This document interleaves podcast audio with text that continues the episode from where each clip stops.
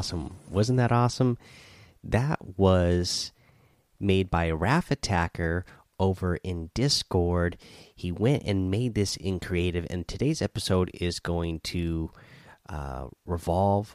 Well, going to be mostly about creative. So, uh, I thought this would be a good time to use that introduction that Raf Attacker made. That's so awesome. Uh, if you guys haven't seen it, it's over in the show arts and music uh, submissions uh, channel. Uh, so go check that out. Give Raf Attacker some GG, some yeets, some I love it, some hypes. Uh, he did, did, really awesome that he went ahead and made that in the in the Fortnite creative mode. Uh, so that's really awesome. Thank you for that. Now let's get into the episode. Welcome back to another episode of Daily Fortnite, your daily podcast about Fortnite. I'm your host, Mikey, aka Mike Daddy, aka Magnificent Mikey. Uh, first up, we'll do a little bit of news, and that is just that uh, for the challenges that we talked about yesterday, uh, here's what we got from an update on the Fortnite status uh, Twitter page. Some creative curse challenges may have been cursed themselves. Will be auto completing the play different creative curse featured islands or gunfight and siphon health or shields from player eliminations in Mansion of Power challenges. So, yeah, people weren't getting credit for those, so they went ahead and fixed that. Uh, let's see here.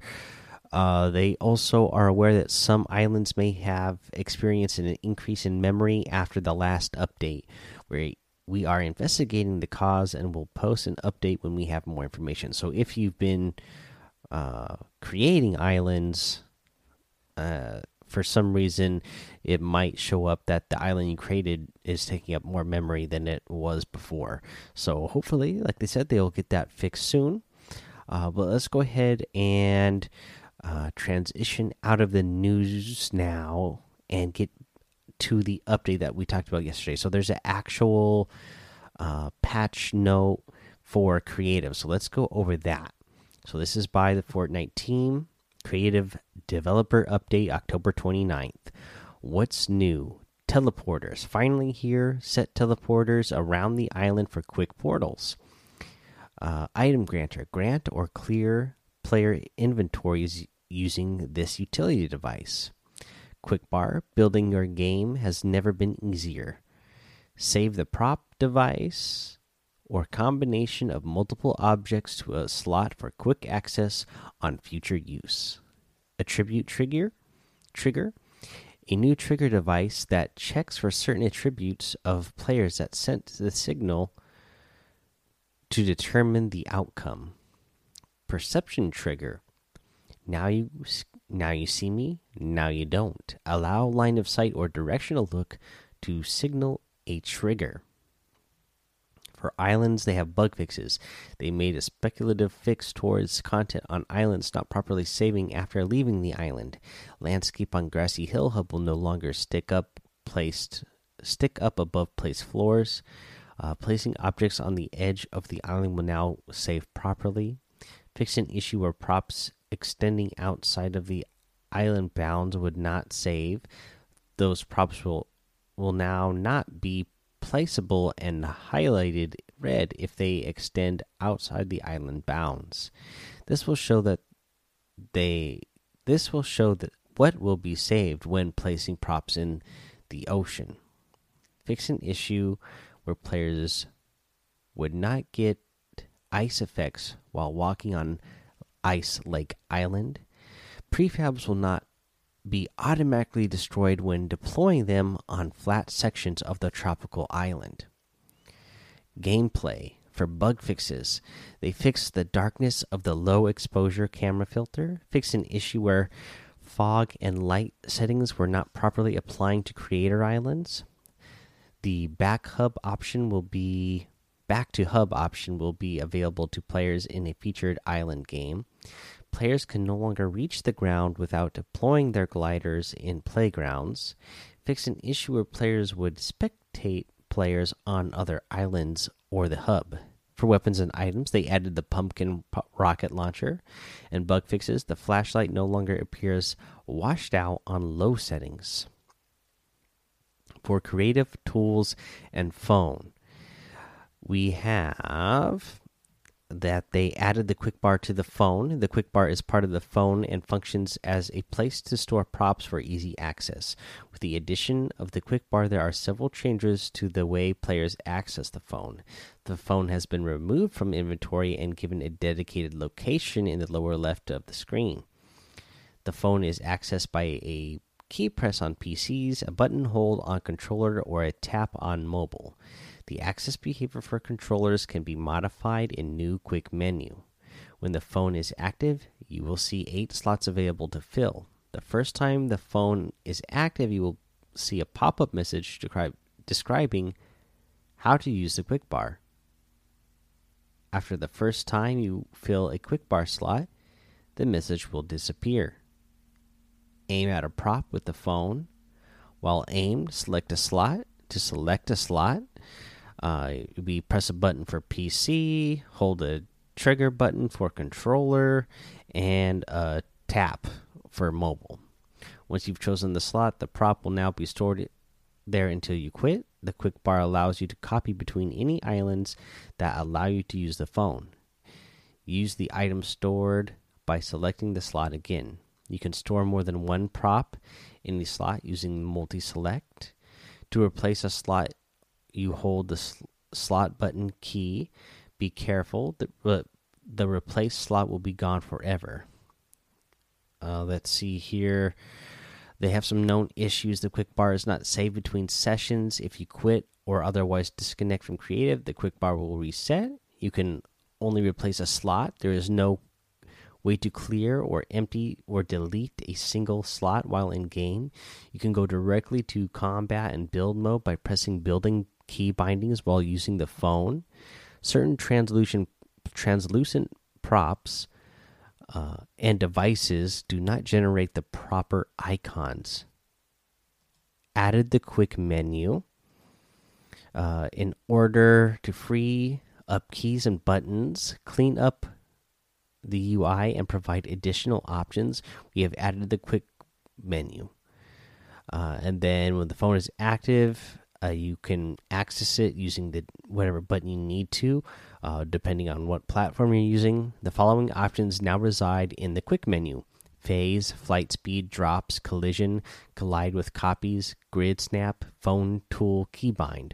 While using the phone show, uh, while using the phone, show map is now accessed in the quick menu. Note: Quick menu is only available when the phone is equipped and active added new collide with copies option. Uh, for known issues, collide with copies set to on currently means the collision of other recent copies will be ignored. For prefabs and galleries, they added a new prefab, the Dumpling Restaurant, added the dumpling to the Lucky Landing prop gallery, added an additional piece from the uh, rocket to Dusty Depot Visitor Warehouse. Added an additional piece from the rocket to Dusty Depot and Diner Prop Gallery. Let's see here. Um, for bug fixes, they fixed the corner of the roof piece, two window pieces in the haunted roof gallery from giving out the wrong material, took out the multicolored tent from the military props gallery so it would not cause color flashing if used problematic transformations. The bathtub in the haunted prop gallery will properly be will properly copy and paste. The trash in the Pandora transmission stack will properly copy and paste. Uh, the the Rift beacon prop is no longer missing from the Dusty Depot and Diner gallery. Fix multiple props in the haunted prop gallery so they would have bottom textures. Fix an issue where the granted where the graded flooring from the decayed villain lair gallery could not be destroyed with a pickaxe. The hero or villain logos can now be selected with the phone tool from the hero mansion or villain lair. Uh, for devices, and now there, for devices, again, this is one that there are a ton of settings and whatnot. So I'm not going to read every single setting. We'll just kind of go over the main point. So they added a teleporter device which allows players to teleport players from one area of the map to another while in game. Uh, let's see what we can go down to next. They added the item granter device. Grant items to a player or group of players when receiving on a channel. Now, the next one is they added the perception trigger. This will transmit on a channel when it either gains or loses sight of a player or a player looks at or looks away from the device. We have added attribute trigger device. Listens for a signal on a channel, then runs a number of checks on the attributes of the player that sent the signal. It will then send another signal on the two channels depending on if those checks all passed or if any failed. They added visual effect power up. Available in the power up gallery, this power up applies a visual effect to the player that picks it up. They added a new option to the class designer. They added a new option to the class selector, added new options to the team settings and inventory. They added new options to the grind power up, added a new option to the random number generator, new option values to the conditional button, added new options to the sequencer, and they added new options to the trigger. Uh, let's see here. Let's get down to the UI and social. So, for they added the start game button back into the hamburger menu. They added a set photo button to the My Island description tab. This is used to set a camera position for a screenshot of an island. Taking the screenshot is done after publishing the island and is a feature that is still being developed. Currently, after setting the camera, there is no feedback or screenshot presented indicating that the camera is set. For bug fixes, they fixed the lower HUD icon and description for the jetpack, fix the lower HUD description for the flag and torch, torch, fix an issue where scrolling names on templates islands wouldn't reset when selecting different template islands to view. And that is all of our patch notes for creative version 11.10. I wish they would give us the details for the patch notes for the rest, but we got the details for this at least. What we'll go ahead and do now is take our break. When we come back, I'll go over the item shop and a tip of the day. And the tip of the day is also going to be tips for helping you get some of the challenges done in the additional bonus challenges that we have right now. So uh, stick around for that. All right, let's go over this item shop. Some fan favorites are back, and I'm talking about the Ghoul Trooper. It is back in the item shop. Uh, epic ghoul trooper outfit comes with the bare brained back bling. That is pretty awesome. So it's the bear uh, the black teddy bear uh, character but the brains are all zombified and uh, popping out of the head. That is pretty awesome. Uh, also it has a new style. So i mean the ghoul trooper it's already looks like a zombie to me, but I guess technically it, it's a ghoul. So now the new style is called zombie, and now your character gets a different shade of green skin, gets yellow eyes, the hair turns white. Uh, yeah, overall, just an awesome outfit that now has another really cool uh, style. Also, the Brainiac outfit. Again, remember this is the Jonesy uh, that is zombified, and now it also has the default style where, again, he looks like a zombie already, uh, and now he has a style where he looks like the Ghoul Trooper style. So, you know, the more bright green, bright purple flesh. Uh, his teeth are exposed uh, missing part of his nose, I guess. Pretty cool uh, style for this one. I actually like this one better now than I do before. Now that it has the Ghoul Trooper style. Uh, let's see here. What else do we have in here? We have the Reaper harvesting tool one of my favorite harvesting tools, that's for sure. The Ultra Scythe harvesting tool. So, this is a pretty cool harvesting tool as well.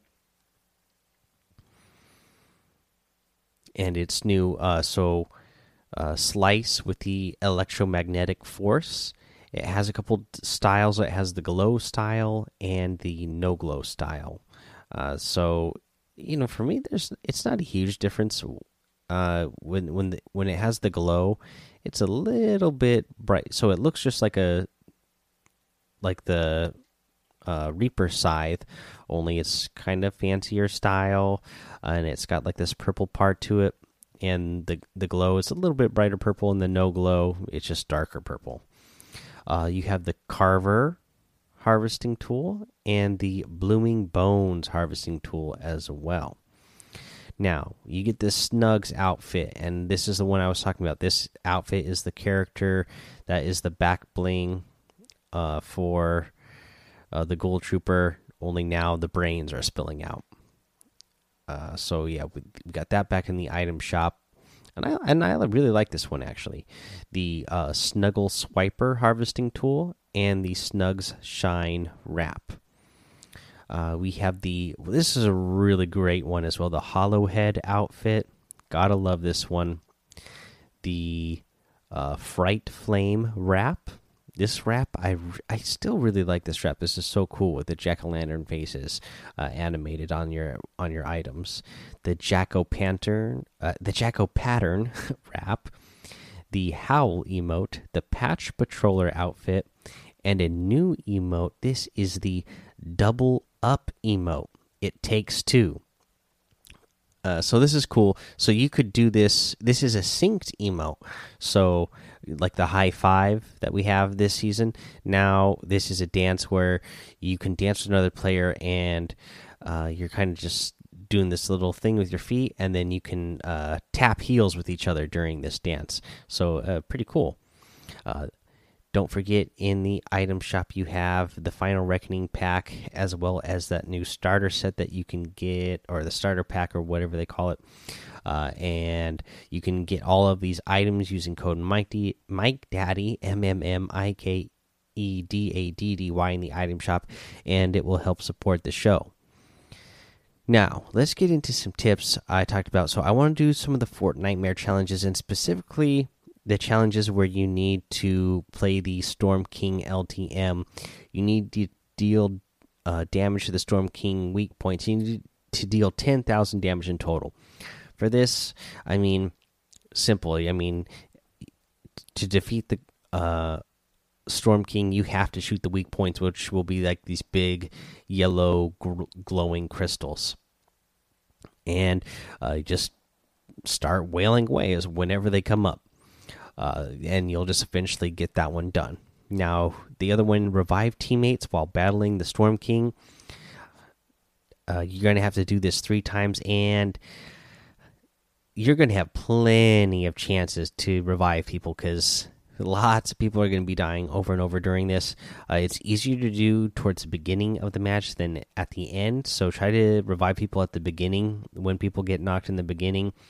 And uh, one, because there's less zombies. But even if there are zombies around, uh, they're still, especially in the beginning, they're you know they're slow and there's a lot of them yet. So you can just build, even just building a wall between you and uh, the the zombies will usually give you enough time to revive the player. Now, when you get into later rounds, you're going to have to do a whole lot more running around. You're going to have to build more than just one wall. You're going to have to build yourself a little fortress. But, um, you know, a lot of times at the end, you're not going to have time to revive people, anyways. So let's talk about that. Defeating the Storm King man so you can uh i believe what i saw is that you can squad up with up to 12 players. And in this mode teamwork is key. You have to be on the same page. You have to be working as a team to get this done. It's not easy. I saw in the discord uh, i didn't read the article but uh, it was posted in the discord that Uh, people were saying that this was too hard to do, so Epic I apparently has already nerfed the Storm King. Uh, so hopefully, the next if you haven't beaten him yet, the next time you play it, it will be a little bit easier. But I expect it's still going to be kind of hard. I haven't played it since they nerfed it, uh, but I I expect it'll still be a little bit hard. Uh, so some tips you're going to want to have uh, is yeah in the beginning take that take that weak point down right away. And then you're going to have the the spawners show up. Uh, but what i found is i run out of ammo. I can i can run out of ammo pretty quickly in this mode. So if you take down the spawn points too soon that's not a good thing because you want to have those around so that they spawn the zombies in the beginning so that you can just keep uh, defeating the horde. That way you can pick up the ammo that they drop. Now after that first wave then you can start taking down those spawners and getting some of those other materials but um, not before that. But so okay so now after that first wave you definitely want to start taking down the spawners though because they drop some really great items uh, you're going to get that's where you're going to get your healables and your shields. And you're going to need all of that because the Storm King does big damage if he hits you or hits your friends. Uh, you'll get campfires, so those are useful as well. And then you're also going to get turrets, and those turrets are really important. That's going to help you bring the Storm King down fast. Uh, so that is what you're going to want to do is the very beginning of the match you don't have to focus on those spawners. Um, just focus on the zombies themselves. After that first wave, start going for those spawners because if you have a whole bunch of zombies chasing you around while you're trying to shoot the Storm King, it's not going to work out for you so good. And you can have, if you're, like I said, if you have teamwork, if you have just even four people dedicated to taking down the spawners where while the rest of you are taking down the weak points that will be that will be very helpful. So you really got to work together have some teamwork. Um you got to you know and at the end like i said it's probably not worth it to try to revive people because there's it's too it's too hard to revive people at the end. If you try to revive someone you're just going to end up getting eliminated yourself and then the whole group is going to lose. So at the end just just go for that win especially when you see those gold brutes running around, it's going to be hard to fight against. So yeah, just uh, main thing uh, is the teamwork, guys.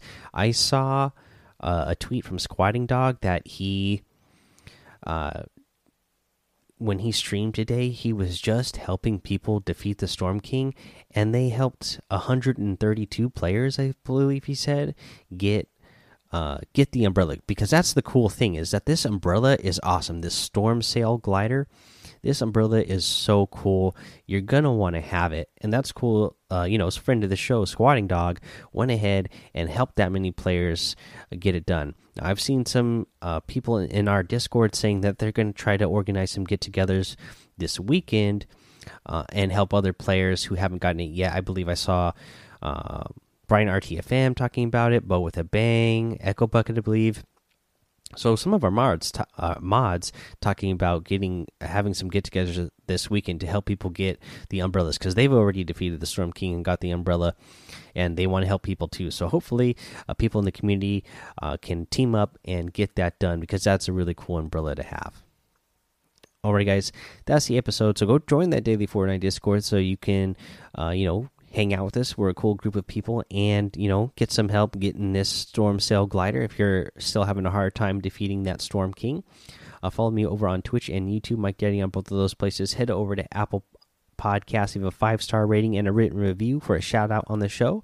Subscribe so you don't miss an episode. And until next time, have fun, be safe, and don't get lost in the storm.